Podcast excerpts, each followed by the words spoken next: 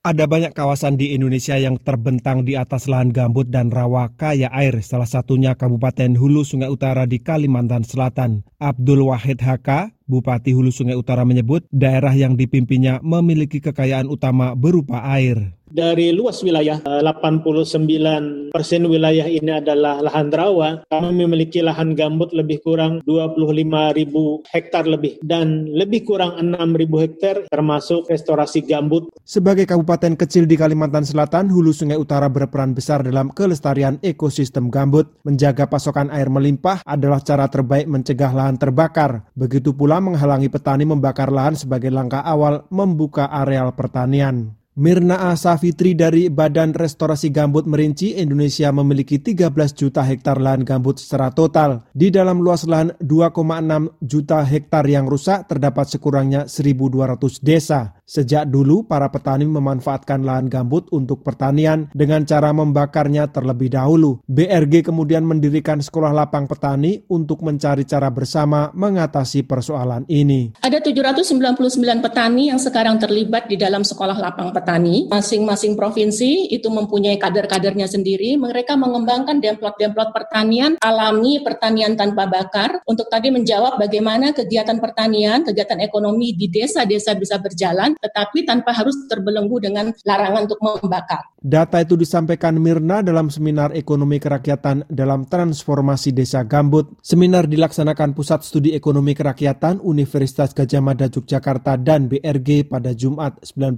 Juni sore. Awan Santosa, Kepala LPPM Universitas Mercu Buana Yogyakarta mengatakan ekonomi hijau sebenarnya bukan hal baru di Indonesia masyarakat adat di berbagai daerah sudah mempraktikkan itu selama ratusan tahun. Yang kemudian itu diformulasikan, dirumuskan oleh para pendiri bangsa kita sebagai salah satu dasarnya, bagaimana mengelola ekonomi itu dasarnya adalah kontrol orang banyak. Sementara pakar ekonomi kerakyatan dari Universitas Gajah Mada, Refrison Basir mengatakan bahwa konsep ekonomi kerakyatan tidak bermakna ekonomi skala kecil. Yaitu suatu ajaran ekonomi yang menganjurkan ya, keikutsertaan rakyat banyak sebagai pemilik alat-alat produksi ya dan sebagai pengendali jalannya roda perekonomian. Nur Hadi Sucahyo melaporkan untuk VOA Washington.